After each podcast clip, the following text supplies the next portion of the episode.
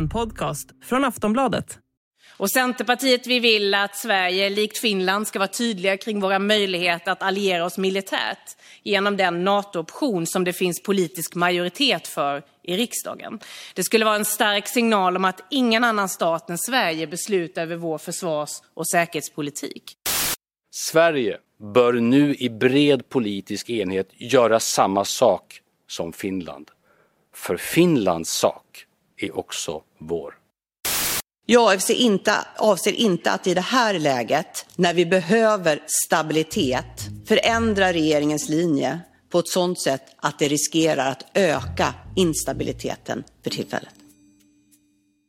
Hoten från Ryssland, risken för krig och upprustning, det har varit på många släppar den senaste tiden.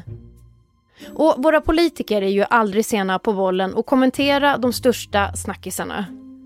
Och förutom att höra Sveriges försvarsminister Peter Hultqvist uttala sig om säkerheten i Parti och minut så har oppositionen passat på att pressa den socialdemokratiskt ledda regeringen om NATO-frågan och huruvida Sverige ska ändra sin hållning i försvarsfrågor.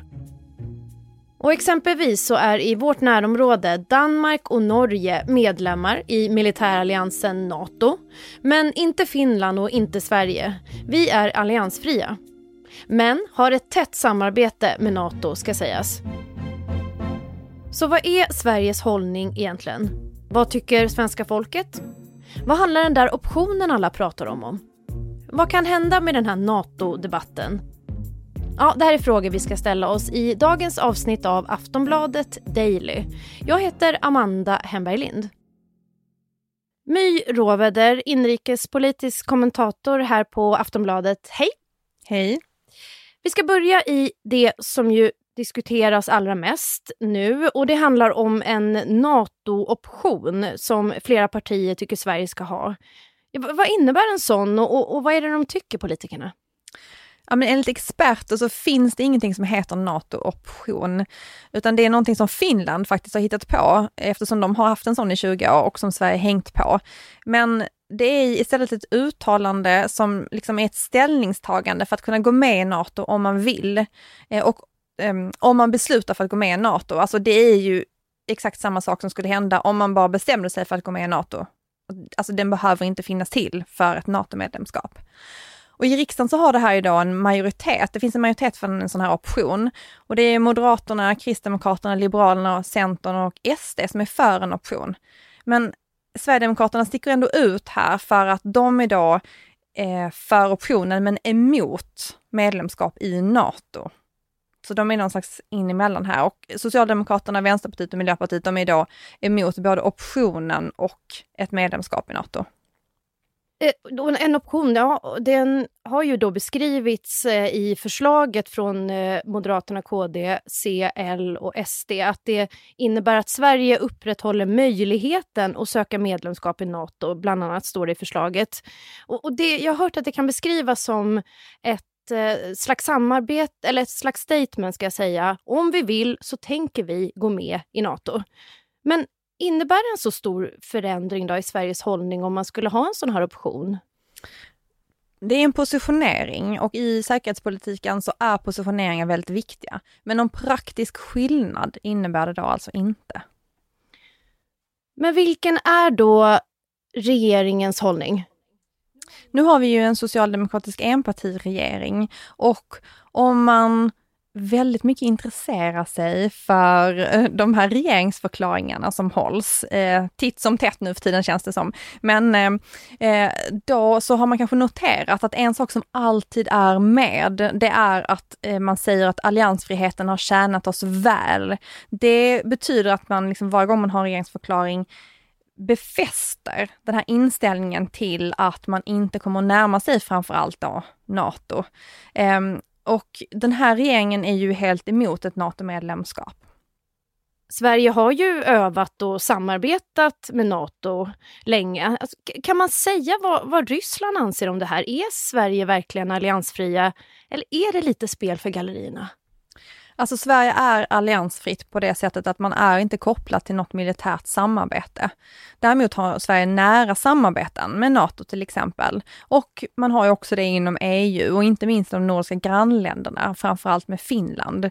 Men så länge man inte är kopplad till ett militärt samarbete så är man alliansfria.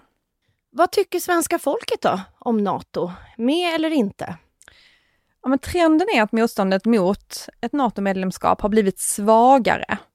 Alltså som det ser ut just nu så är det ungefär en tredjedel som är emot, en tredjedel som är för och en tredjedel som inte vet hur man, vad man tycker i den här frågan. Eh, men majoriteten då, alltså de flesta, inte majoriteten, men de, men, men de flesta är fortfarande emot och vill inte att Sverige ska gå med i NATO. Men har det förändrats nu och varit lite olika i och med, eh, beroende på säkerhetsläget? Man har inte gjort några mätningar nu den här senaste tiden, utan de, de, senaste mätningarna är ungefär ett år gamla. Men man har ändå sett under lång tid hur att det har varit ett mycket starkare motstånd och hur det har minskat och hur, eh, liksom, hur positiv man har varit, hur det har ökat också, att de, har närma, de här kurvorna har närmat sig varandra, så att de nästan nu är vid samma punkt. Men fortfarande är det fler som inte vill än som vill gå med i NATO. Det är val i höst. Det kanske blir regeringsskifte. Skulle det betyda något för eh, NATO-frågan? Att gå med i NATO skulle ju vara ett väldigt stor, en väldigt stor förändring säkerhetspolitiskt och för den svenska identiteten, om vi skulle lämna alliansfriheten bakom oss. Alltså det är en kontroversiell fråga och sånt brukar kräva att det finns ett brett stöd i riksdagen, vilket ju inte finns eftersom Sverigedemokraterna de är ju, det finns en majoritet för optionen, men det finns inte en majoritet i riksdagen för ett medlemskap eftersom Sverigedemokraterna då är för motionen men emot medlemskapet.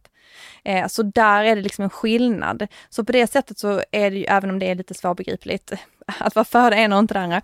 Eh, men så på det sättet så eh, tror jag att det kommer vara ganska lång det är en lång väg fram till ett NATO-medlemskap.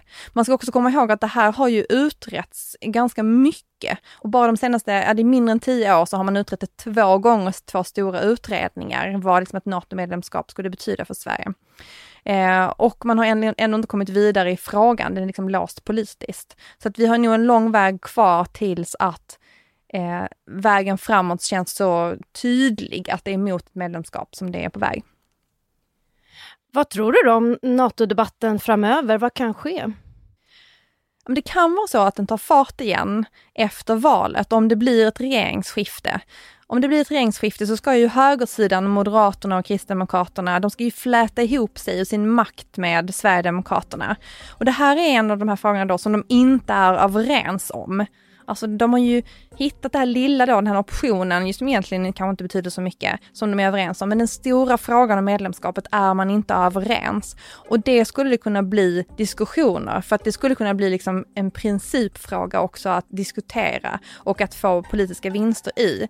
Så med det så skulle det kunna bli faktiskt en hetare politisk debatt än det har varit under lång tid efter höstens val. Sist här hörde du My Råveder, Aftonbladets inrikespolitiska kommentator. Jag heter Amanda Hemberg Lind och du har hört nyhetspodden Aftonbladet Daily. Tack för att du har lyssnat. Vi hörs. Du har lyssnat på en podcast från Aftonbladet. Ansvarig utgivare är Lena K Samuelsson.